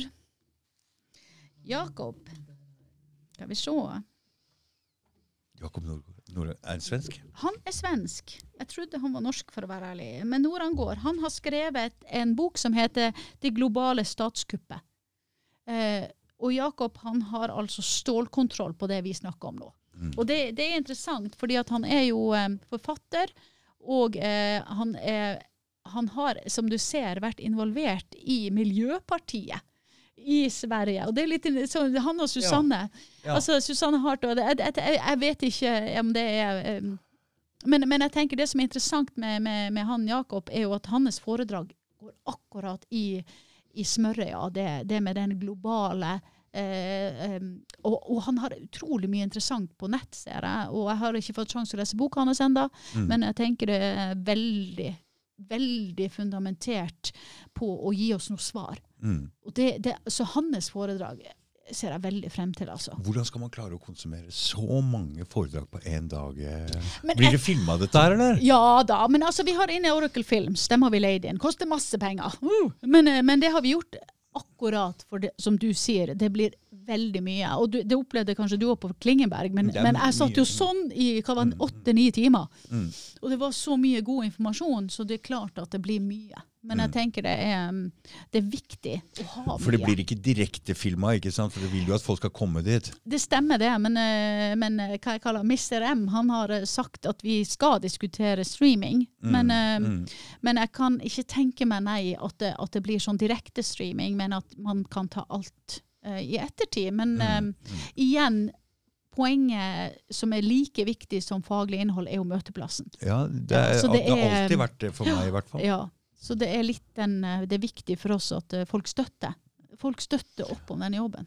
Ja, Men det er ikke bare det, Mm. skjønner du, for det skjer noe magisk når det treffes mange Ja. mennesker sammen. Mm.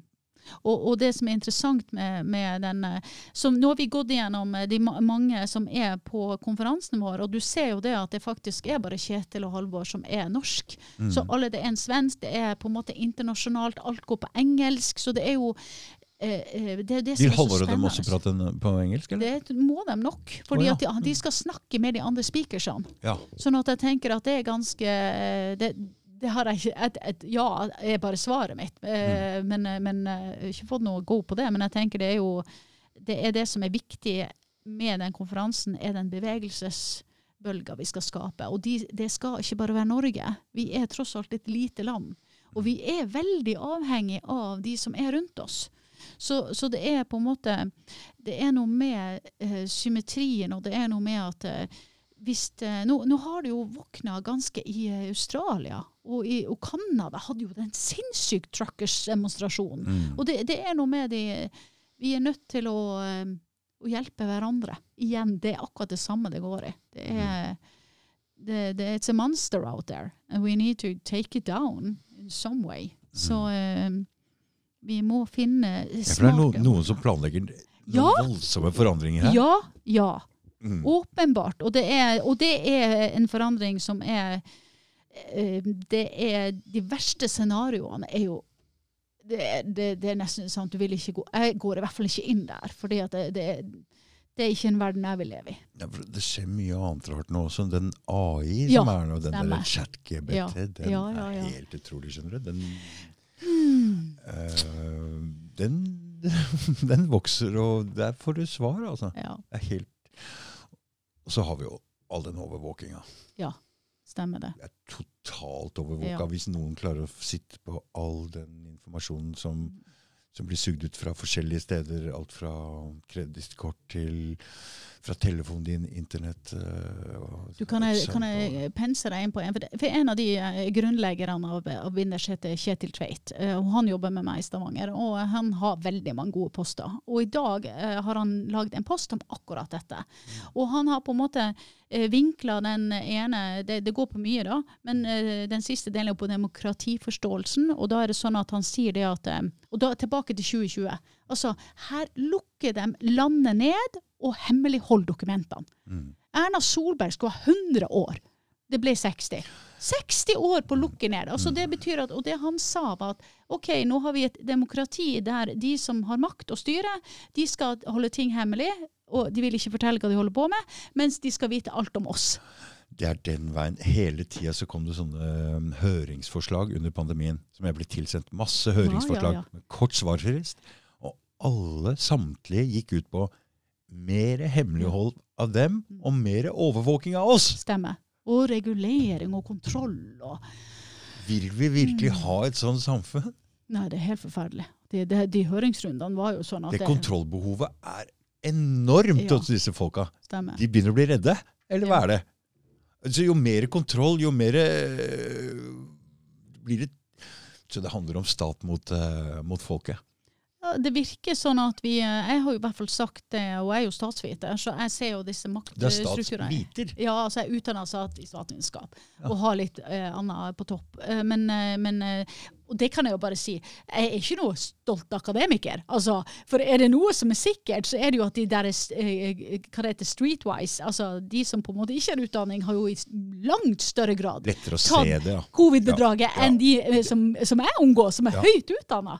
Så, så det er på en måte ikke noe pluff. Men det som jeg har som styrke, er jo en forståelse av at når jeg hører fylkesordføreren snakke til eh, Susanne Hart i den saken hun tok opp, så er det sånn at vi har altså nå en så, fylkesordfører som, som refererer til koronakommisjonen. Altså en kommisjon de sjøl har satt ned. Som, som er sånn bukken og havresekken. Så hele dette systemet som heter den lovgivende makta, Stortinget, det, det, den, de, de har jo på en måte bare ikke vært for oss. Åpenbart. Regjeringa har stengt oss ned. Og så har vi da eh, den tredje pilaren i det som heter parlamentarismen, og det er jo lov, lovverket, altså dømmende. Og da har vi altså Iris-saken, der vi ser det at den dømmende makt heller ikke fungerer. Fordi det, det, det kan ikke være sånn at du har en sak, og kun én side av saken blir referert til. Det, det er bare det er en, en juridisk praksis som ikke holder vann. Så, så det er interessant å se alle våre maktsystem, de tre maktsystemene som vi bygger demokratiet vårt på. Det er altså ikke diskusjon, det er en samstemthet som faktisk truer parlamentarismen grunnleggende. Fordi at disse tre systemene skal fungere eh, opp mot hverandre. Det skal jo være sånn at lovgivende skal kontrollere dømmerne, og, nei, mener eh, regjeringa, utøverne. Utøvende og lovgivende skal jo ha en viss kontroll med hverandre. Og det er sånn at du ser det ikke fungere. Og media som den såkalte fjerde statsmakt, helt, helt kjemisk fritt for motstemmer. Som jeg sa, åtte måneder gikk det før Halvor Næss kom på banen, eller fikk lov å ha en mikrofon. Husker du Fredrik Solvang i Debatten eh, fikk beskjed av Bent Høie om at det skal, dette skal du ikke spørre om, Fredrik, omtrent. Ja, nei, Og så ble han helt ja, ja, Unnskyld! Ja, Ja, ikke sant? Nei, Fredrik, Fredrik, dette her går ikke. Ja, og da Og så, og så, og så sier jo du Fredrik Solvang ingenting. Altså, eh, han har jo vært, La det være sagt, Fredrik Solvang har eh, til tider vært eh, ganske det, det at han er av det bedre, sier ikke så mye. For det har liksom vært under minus anyway. Men, eh, men det har i hvert fall vært litt lysglimt der. Men uh, igjen, vi, vi har en alvorlig stor oppgave foran oss. Hva slags samfunn er det vi egentlig lever i da, når ingen av disse tre statsmaktene fungerer, og heller ikke det som blir kalt den fjerde uh, statsmakt, som skal være vaktbikkje, som heller går løs på folk med andre meninger, istedenfor å passe på de som sitter med makta. Hva slags system er dette egentlig nå, da? Er det, eh, Vi er det nærmer oss jo diktatur.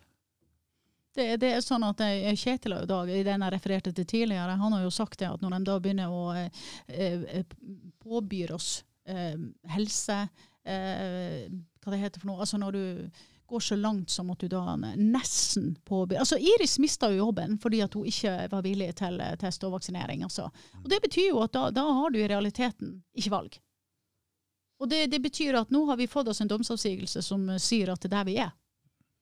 Så ja, hvilket samfunn vi har um, Den, eh, jeg var, var jo der um, um, på den rettssaken, og spørsmålet var egentlig litt annerledes enn det. Det var det som var avgjørende, var at hun nekta å gå med maske også. ah, OK.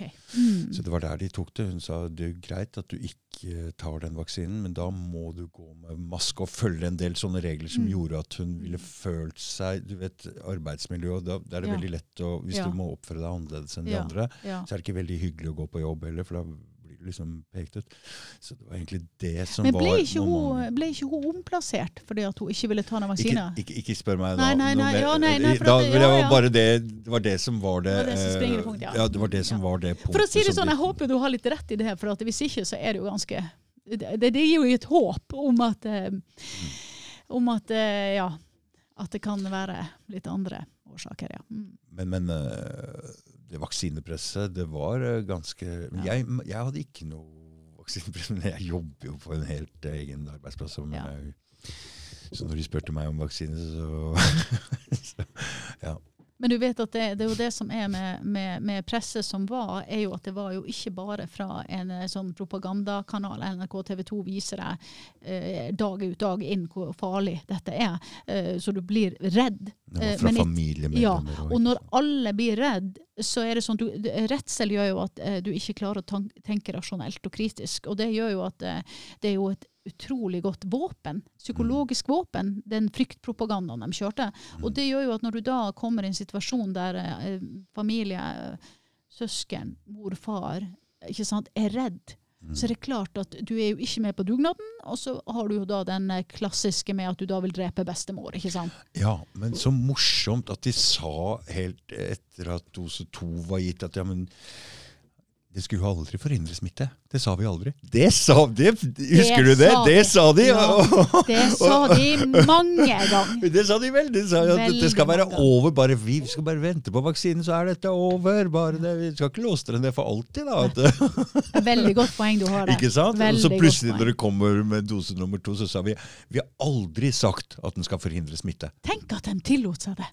Og, Og ja, tenk at de bare går fri og bare får lov til å gjøre det! Eh, Og ingen sier noe. Jeg- jeg- og det verste, Folk har så kort hukommelse. ikke Ja. sant? Så det bare, De flytta det greiene der hele tida. Samtidig så kom de med litt sånn forskjellige eh, Ja. svar. Det var ganske forvirrende, det hele. Ja, det er jo en del av strategien, det òg. Å forvirre. Mm. Så det var en greie, det der.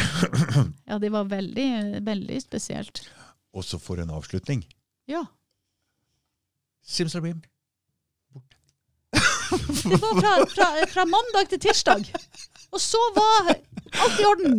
Da hadde vi plutselig ikke noe behov for å høre noe mer. Ja. Covid, hva da? Ja. Hva er det du prater om? Husker ikke helt hva det Har det vært noe covid? Jeg bare, herregud. Skal vi ikke prate om det, liksom?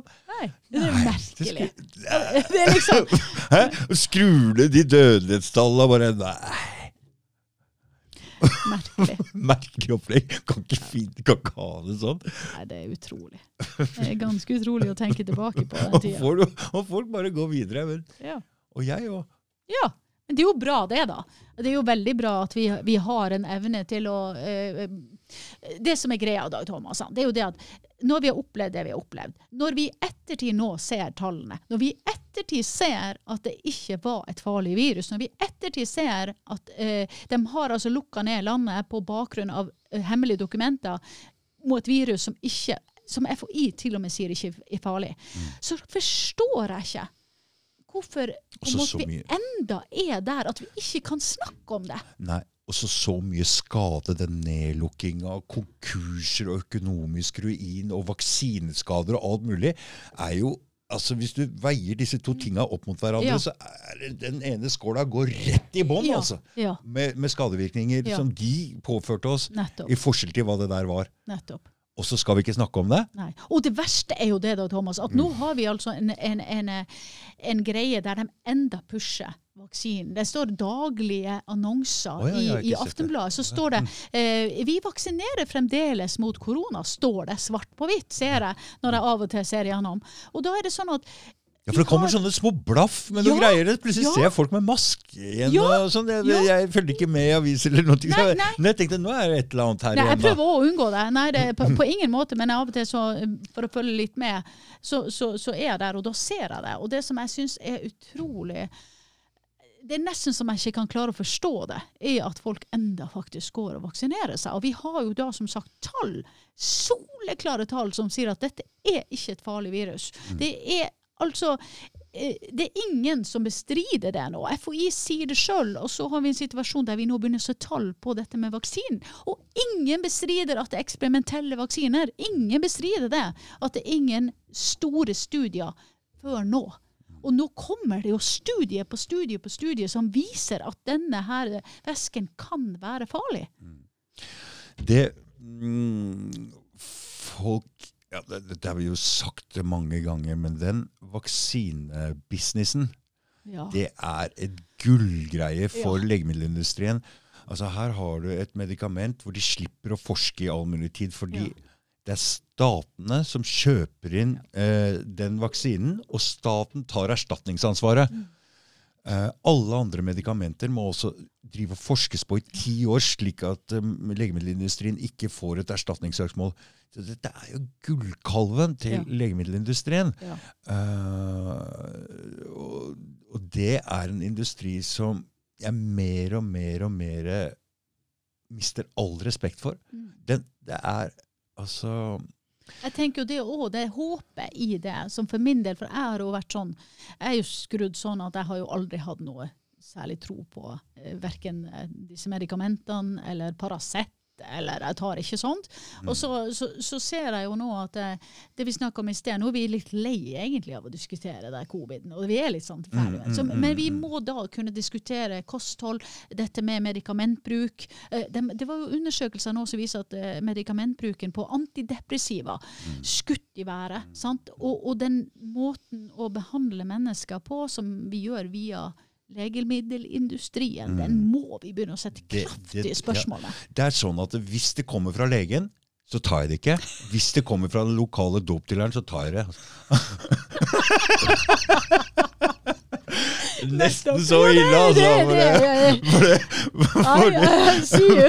Ja, ja, ja. Og hvis det kommer fra den lokale dopdealeren, og jeg ser at det er fra legen, så nei.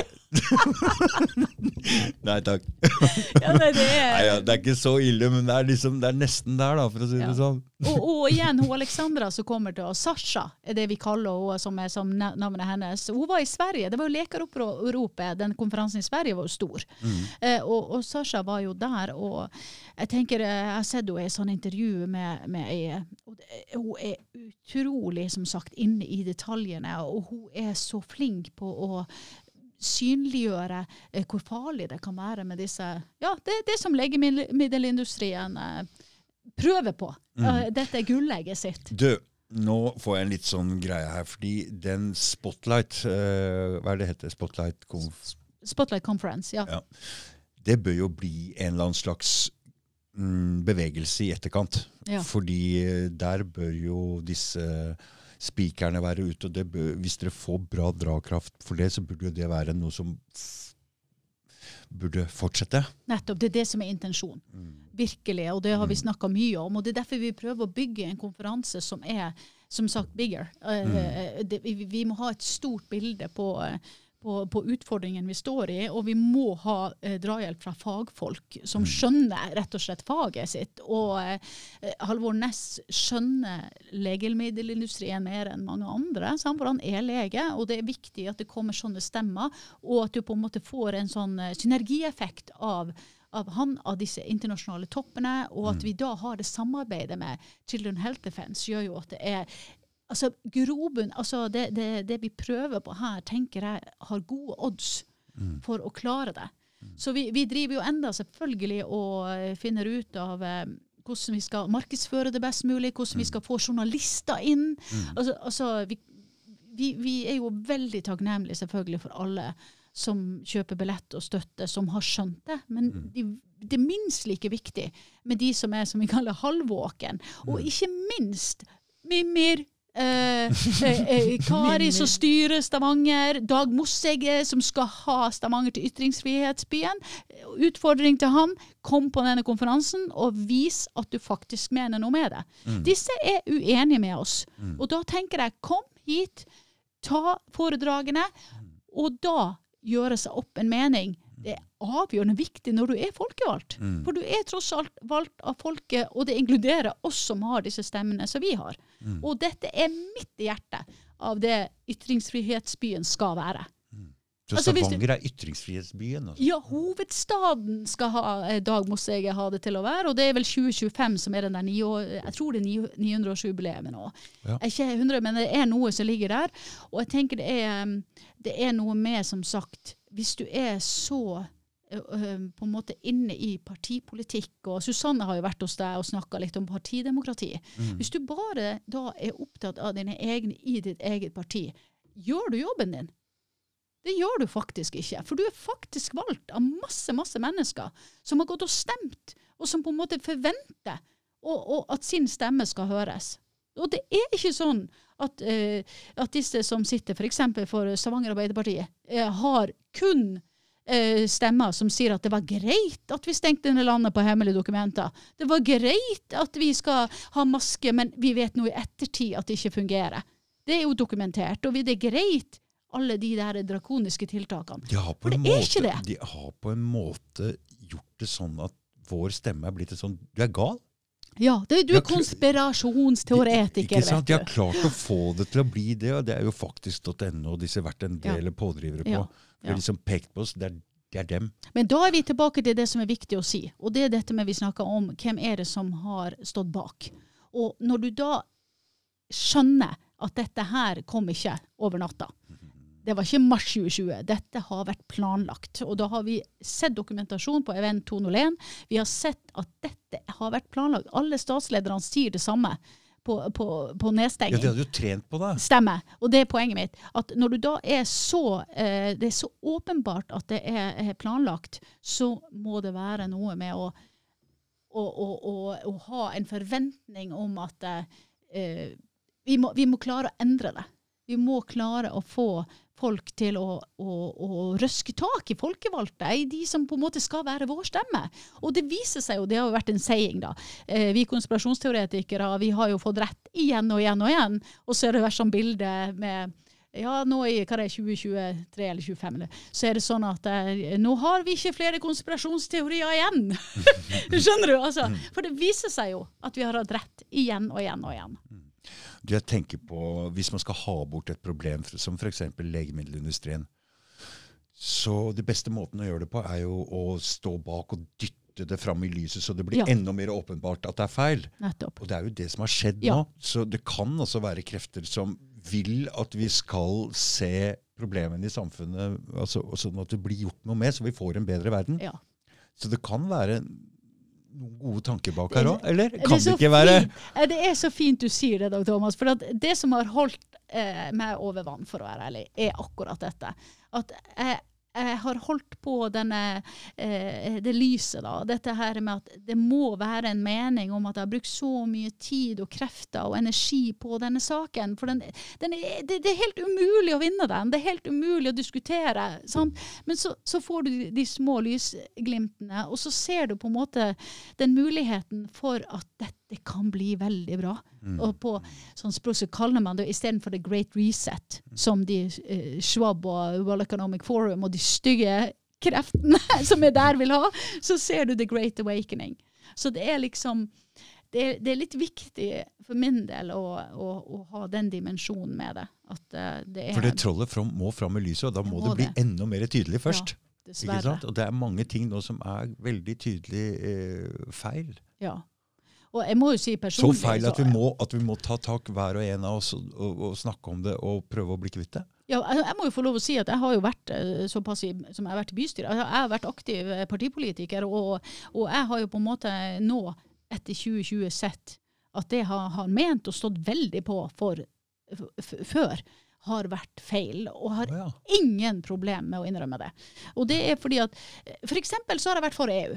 Og, det, og jeg har til og med vært leder av Europabevegelsen. Og, det, fordi at, oh, ja. og, det, mm. og det, det, har jeg ingen problem med å si, fordi at jeg har trodd på det som er fredsbevegelse. På oh, ja, EU som en fredsbevegelse. Ja, fordi at det mm. ble stiftet, ble danna etter krigen. Mm. Og da har jo jeg på en måte hatt mitt naive håp om at Men det kan godt være at det var det på begynnelsen også? Nettopp. Ikke sant? Nettopp. Så blir det kuppa, dette her. Nettopp. Og der er jeg helt klar nå, mm. at jeg ser at det åpenbart at det er det, du kan kalle det de onde kreftene som har tatt over EU. De tar fra oss øh, selvbestemmelsesretten nettopp, her i Norge. og de, Vi er et land med masse naturressurser, og de bare snapper det vekk fra oss. Du og privatiserer det. det og liksom, dere, må, dere, må, åpne opp staten sånn at dere må privatisere, sånn og så stjær, tar de det fra du ser, oss. Vindmøllesaken er jo kroneksempelet. Du, du har altså eh, Har du fulgt med på Exit-serien?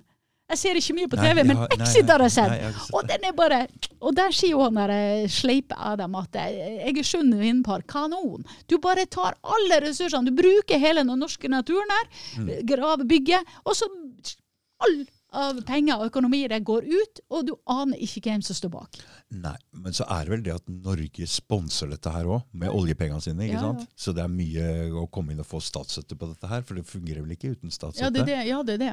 det, er det. Og så er det ingen krav som sagt, til at de skal eh, skape arbeidsplasser, levere igjen. Altså det er, at, det, at det i det hele tatt er mulig, det er, det er, ganske, det ganske horribelt, altså. Er det min telefon som plinger sånn? Nei, jeg har ikke skrudd Jo, men du, vi må jo ta Fosen, bare så det er sagt. Fordi at, det som, er, fordi at det som er interessant når vi er inne på vindmølle, og dette med samene sin kamp Nå har jo jeg litt sånn sameblod i meg, og det er jeg veldig stolt av. Eh, og der ringte det på òg, ja. Nei, ja, ikke sånn. Nå er det tid! Nå, nå, nå, nå, brenner det sånn her. Sånn det ikke. Ja. Men det jeg bare har lyst til å si, er at det som er så interessant med den eh, Men har du drakt? Om jeg har sånn, sånn, nei, nei, nei, men det er bestemor som kommer fra Sørøya i Finnmark. Oi, oi, oi. Så, så, det er litt langt men mm. bak. Men det er litt sånn, jeg kjenner jo Barbro Paulsen, og du kjenner jo joike. Og, og det er så deilig. Og nå har jo vi hatt disse fantastiske samene som har stått opp. Ja, for de tør. De tør. Mm. Og de blir uh, båret bort av politiet, og, men, men, de tør. Og det som er mm. interessant i den saken, som er avgjørende viktig å forstå, er jo at uh, Høyesterett har bestemt sant, at det har foregått lovbrudd, at samene faktisk har rett. Og da tenker jeg at nå eh, har du en regjering sant, som ja, vi må sette ned utvalg, ja, vi skal lytte, ja, vi skal ha møte, og den berømte setter ned en kommisjon, eller hva de enn prøver på. Men vi har altså nå faktisk et snev av et parlamentarismesystem som fungerer. Og så er spørsmålet hva skjer? Nå har de altså rydda bort disse samene. Høyesterett sin dom er at disse vindmøllene skal bort. Hvor lenge, hvor lenge, siden er det den dommen ble skaftet? Ja, det er jo lenge. 500 dager, var det ikke det? Jo, jeg tror det er lenge siden. Ja. Hvor mye Men hva, hvor mange vindmøller er det? Hvor, hvor mye penger er det som er investert oppi der? Sant. Ja, det er enorme summer. Det er enorme summer. Og da, har de gjort en spørreundersøkelse. Og hvor mye skal det koste å ta bort det der greiene? Nettopp. Og det er jo det som er... Høyesterett har tråkka til litt der? Ja, de har virkelig det. Og det som er spørsmålet, Dag Thomas, er jo det at hvis nå det viser seg at det er pengene som avgjør, mm. hvis det viser seg at samene nå taper Altså, de, de gjør ingenting for å, å, å, gå tilbake på det som var samenes rettslige grunnlovfesta rett til å være i dette området. Hva skjer da? Mm. Når de da kommer med, med nedstengninger, med å ta fra oss rettigheter i andre sammenhenger. Så er rettssystemet satt ut av spillet her, eller? Det er jo det som er poenget. Altså Mm. Hvis du da ikke følger det Høyesterett eh, konkluderer med, sikkert etter jeg vet ikke hvor mange tonn med papirer og, og Ja, for de har ingen ankemuligheter her nå? Ja, det kan, det, altså, jeg er ikke helt sikker på Eller kan staten gå til Strasbourg og føle seg urettferdig behandla? Ja, altså, ja, Nei, det er jo menneskerettsdomstolen. Ja, staten kan ikke gå der. nettopp. Ja, men altså, om, eh, om det er sånn at Jeg tenker mer om det var samene som kunne gå dit og pålegge riving av vindmøllene ut ifra høyesterettsdommen. Det var er sånn ikke bare å begynne. Nei, det- Vi er helt sikkert en gjeng som stiller opp der. Det er helt greit. Det er vel noen som har noen gravemaskiner og noen bulldosere og noe riveutstyr. Bare få bort disse her. Hvis, det er, hvis ikke noen vil gjøre jobben, så Ja, bare sende jo- regning, da. Ja, nettopp. Vi sender regning. Men det som er, er interessant med den, er som sagt det vi snakka om i sted. ikke sant, Thomas? Hvilket samfunn har vi? Hvor er vi i Norge i dag? Vi er akkurat der at man har tråkka på og ødelagt eh, beiteområdet, naturen til urfolket vårt. Og så vil man ikke engang rette seg etter en høyesterettsdom. Nei, det er veldig interessant å se hva som skal skje der framover. Og ikke hjalp det å sitte der og protestere. Det ble bare båret bort, ja. Nettopp.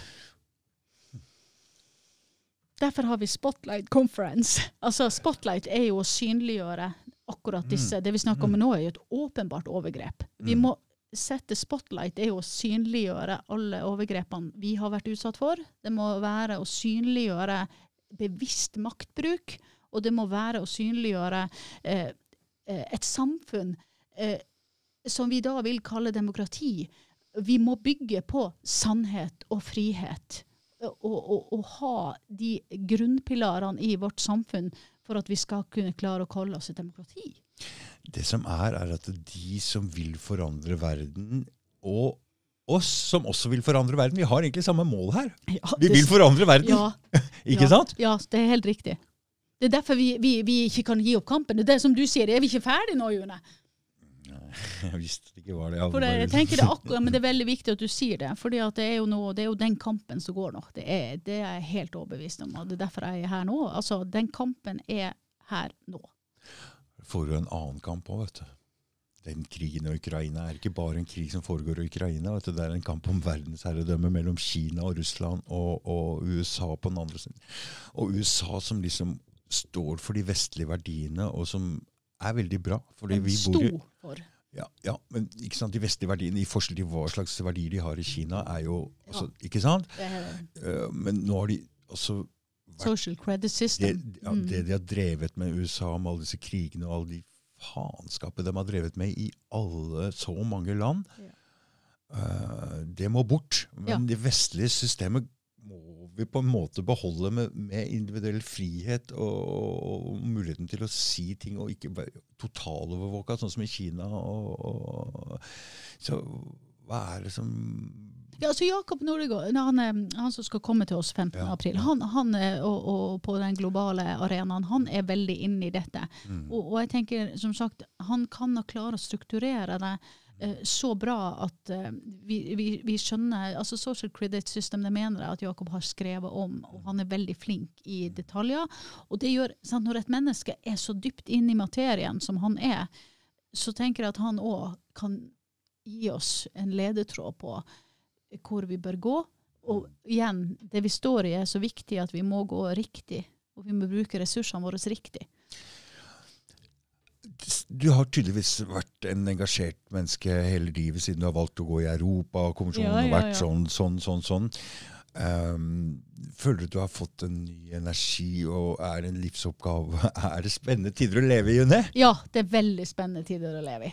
Og, og jeg tror Er det ikke godt å ha noe Ja. å kjempe for, Ja. eller, Ja. eller Enig. imot, eller hva som helst? da? Men ikke bare det. Altså, det. Det er noe med at den veien vi har gått, gjør at jeg har jo fått venner som er eh, du kjenner at de er gode inni hjertet sitt. Mm. Du kjenner at det er en, Det eh, er et ståsted i disse menneskene som er eh, noe annet enn de altså det Ikke stygt å si om partipolitikkfolk, men altså masse engasjerte, fine folk. Men det er Du ser at du, der er det veldig mange som jobber med litt andre kan du si, agendaer, type som får seg en posisjon. Mens de vi står sammen med, er utelukkende opptatt av eh, hvor skal vi eh, å ha det bra, eh, frihet, sannhet. Altså du, du, du på en måte har en genuin eh, et, en, en, et sånn genuint engasjement som er, er, er dypt og ekte. Spesielt dette med ektefølt. Det er mye ektefølt engasjement. Og det er jo Du, nydelig. June, vet du hva NPC er? MPC. Mm. Ja, det Hør nå. Ja, Så jeg har noen som spiller mye spill. ja. Og NPC det betyr non-playable character. Og det er sånne fastlåse karakterer som ikke kan gjøre annet enn å bare svare det og det, og de kan ikke sant. Og mange jeg, prater med folk og sier at det er mye sånne folk.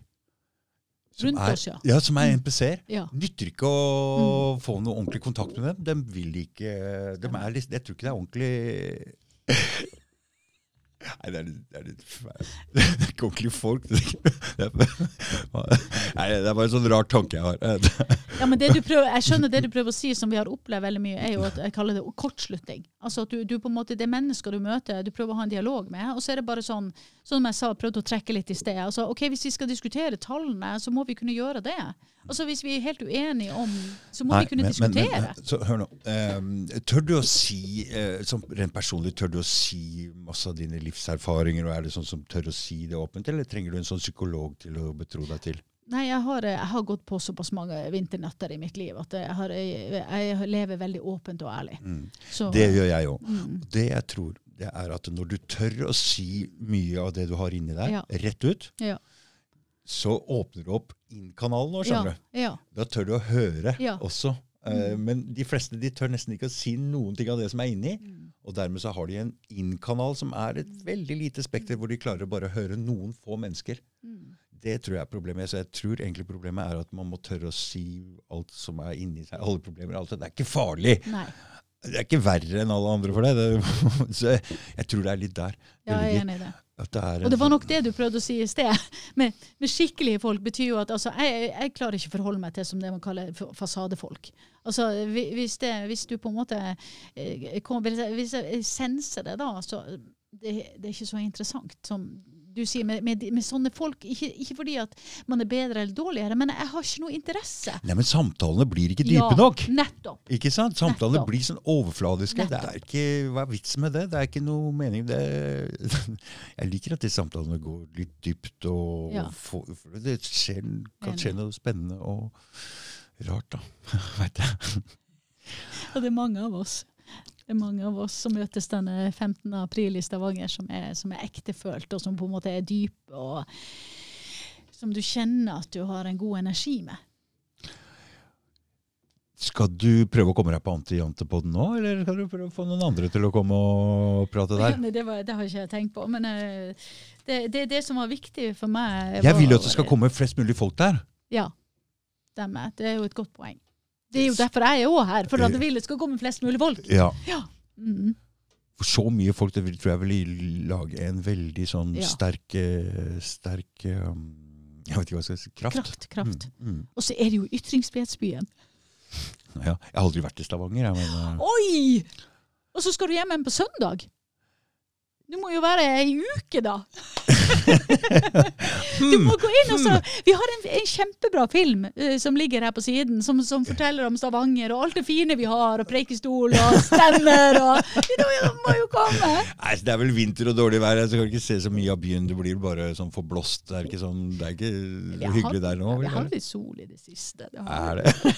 det er ikke som Bergen. Det regner ikke hele tida i Stavanger. Nei, nei jeg vet ikke. Nei, nei, nei, det er sant. Det er ikke, du må komme i sommer. Det er om sommeren det er ja, fint. ikke sant? Norge om vinteren. Det er bare å hutre seg inn innomhus. Ja. Nei, sommeren er nydelig. I Norge. Den er det, altså. Er det noe mer du har lyst til å si, June? Nei, jeg ikke annet enn akkurat det du sier, og oppfordrer alle til å komme til Stavanger eh, 15. aprilhelga og, og møte oss. Og, um, Og kjøper du billett her, så får du et slags eh, billett billigere sted på samme stedet, Klarion. ja, på Klarion, og det er mange hotell i Stavanger. Mm. Og det er Airbnb, og det er sånn at hvis det, hvis det virkelig er det det står i overnattingspris og sånn, så må vi klare å ordne overnatting privat. Altså, det, vi må klare å få i stand det òg, for det skal ikke være det største hinderet. Nei. Så um, som sagt, det, det blir en, eh, en historisk og helt eksepsjonell ja, enestående sjanse Mm. eh, til å, å, å ruste seg og få en bevissthetsfrekvens, energi, nivå på det som kommer. For det kan jo komme noe veldig fort. Mm. Og da er det om å gjøre å være beredt. Mm. Og tenker det, er, det tenker jeg er mye av det viktige. Og, eh, og som du sa, det er mye, mye kule folk å møtes der, altså. Mm. Så em, Det er alltid derfor jeg har vært Ja. på alle demonstrasjoner Ja, ja, ja. og sånne, vært flott for å møte masse folk. Det gir, det gir bra energi. det gjør det. Nei, det er et fantastisk initiativ. Og det, det, du ser jo på siden vår, det er proft. Og det er, som jeg sier, med Children's Health Defense Europe Det er Ja, det glemte jeg å si. Kennedy skal sannsynligvis ha en, en egen eh, åpning til oss. Catherine Fitz, hun som har eh, Vet vet ikke, Aus- Nei, Catherine Austin. Fitz hun har, hun har, fullst- hun har jobba med Bush i Amerika. Hun skulle faktisk komme. Og så jobber vi også med, med, med hun Catherine Anderson. Det er ikke plass til flere oppå der nå, Jone! Men vi kan jo ha dem inn på, på middagen! Ja. Eller på fredagen! Å ja, ja, du vil ha dem dit, ja? Ja! Til Stavanger? Ja! Det er jo det vi jobber enda med det. Så det er mange store navn som er de jeg nevnte nå, i hvert fall Katrin Anderson og Da skal jeg spørre han Kennedy hvem som drepte broren hans, eller onkelen hans, var det kanskje? Ja, vi har jo en eh, teori på det. Ja, mange. Ja, ja, ja. Jeg har en helt egen en, men jeg gidder ikke si noe. Jo, det var en eh, til som vi jobber med, som jeg må også ta med når jeg har sagt de navnene her. Og det er han eh, eh, som har litt vanskelig navn, Baktrin eller noe sånt. Han som nå er eh, involvert i eh, den, det poenget med den thailandske kongefamilien. Har Der de, det er altså sånn at to av prinsessene i den thailandske kongefamilien ble eh, dødssyk etter eh, skuddet. Det betyr at de, eh, hun ene gikk rett i koma, eh, og han er da en blanding av thai og pakistaner eller noe sånt, og han er, den, han er topp lege på, på dette fagområdet. Han har vært mye i, eh, i Og Thailand som kjørte så hardt regime? og det som er poenget, at først For det, jeg trodde bare det var ei prinsesse, men så har jeg lest meg opp i dag at det er faktisk to av prinsessene. Så hun ene ø, ø, røyk rett i koma, men hun andre prinsessen òg blitt alvorlig. Og begge var hjerteproblemer. Og det som er interessant med dette, er jo at jeg har hørt mye på han her, eh, Bakterien, og han er sånn der eh, Han har vært soleklar hele veien på at dette er ikke bra. Eh, Og nå er han involvert av den thailandske kongefamilien, og de skal gå til sak mot Pfizer. Og når du har en helt thailandsk kongefamilie på nakken, da begynner det å bli interessant! Du vet, de ødela hele den thailandske turistindustrien. Stemmer det. Du er- snakker om å ødelegge samfunnet, ja. Oh my god. Ja, ja, ja. Jeg Tenk deg låste folk inne i den varmen uten aircondition, i små rom uten mat. Uten noe. Vi kan ikke forestille oss det. Men, men nå har jeg i hvert fall huska å få tradd han med. Som jeg sier, vi er som sagt enda i en fase der vi kan få et navn og store navn til. Så følg med! to be continued! Dette blir eh, kjempegøy. Nei, men da ses vi i Stavanger, da. Ja, vi gjør det. Og jeg gleder meg veldig til det. Takk for at du kom hele den veien fra Stavanger. Tusen takk for at vi kom med. Mm. Og vi i Binders er veldig glad for at vi fikk denne muligheten til å presentere Ja, ja, ja, konferansen vår. Det er nydelig. Mm. Jeg vil jo bare at det skal komme mest mulig folk. Det blir jo kulest Ja. mulig. Det er sant, det. Mm. Takk skal du ha, Jone. Tusen takk. Ha det godt.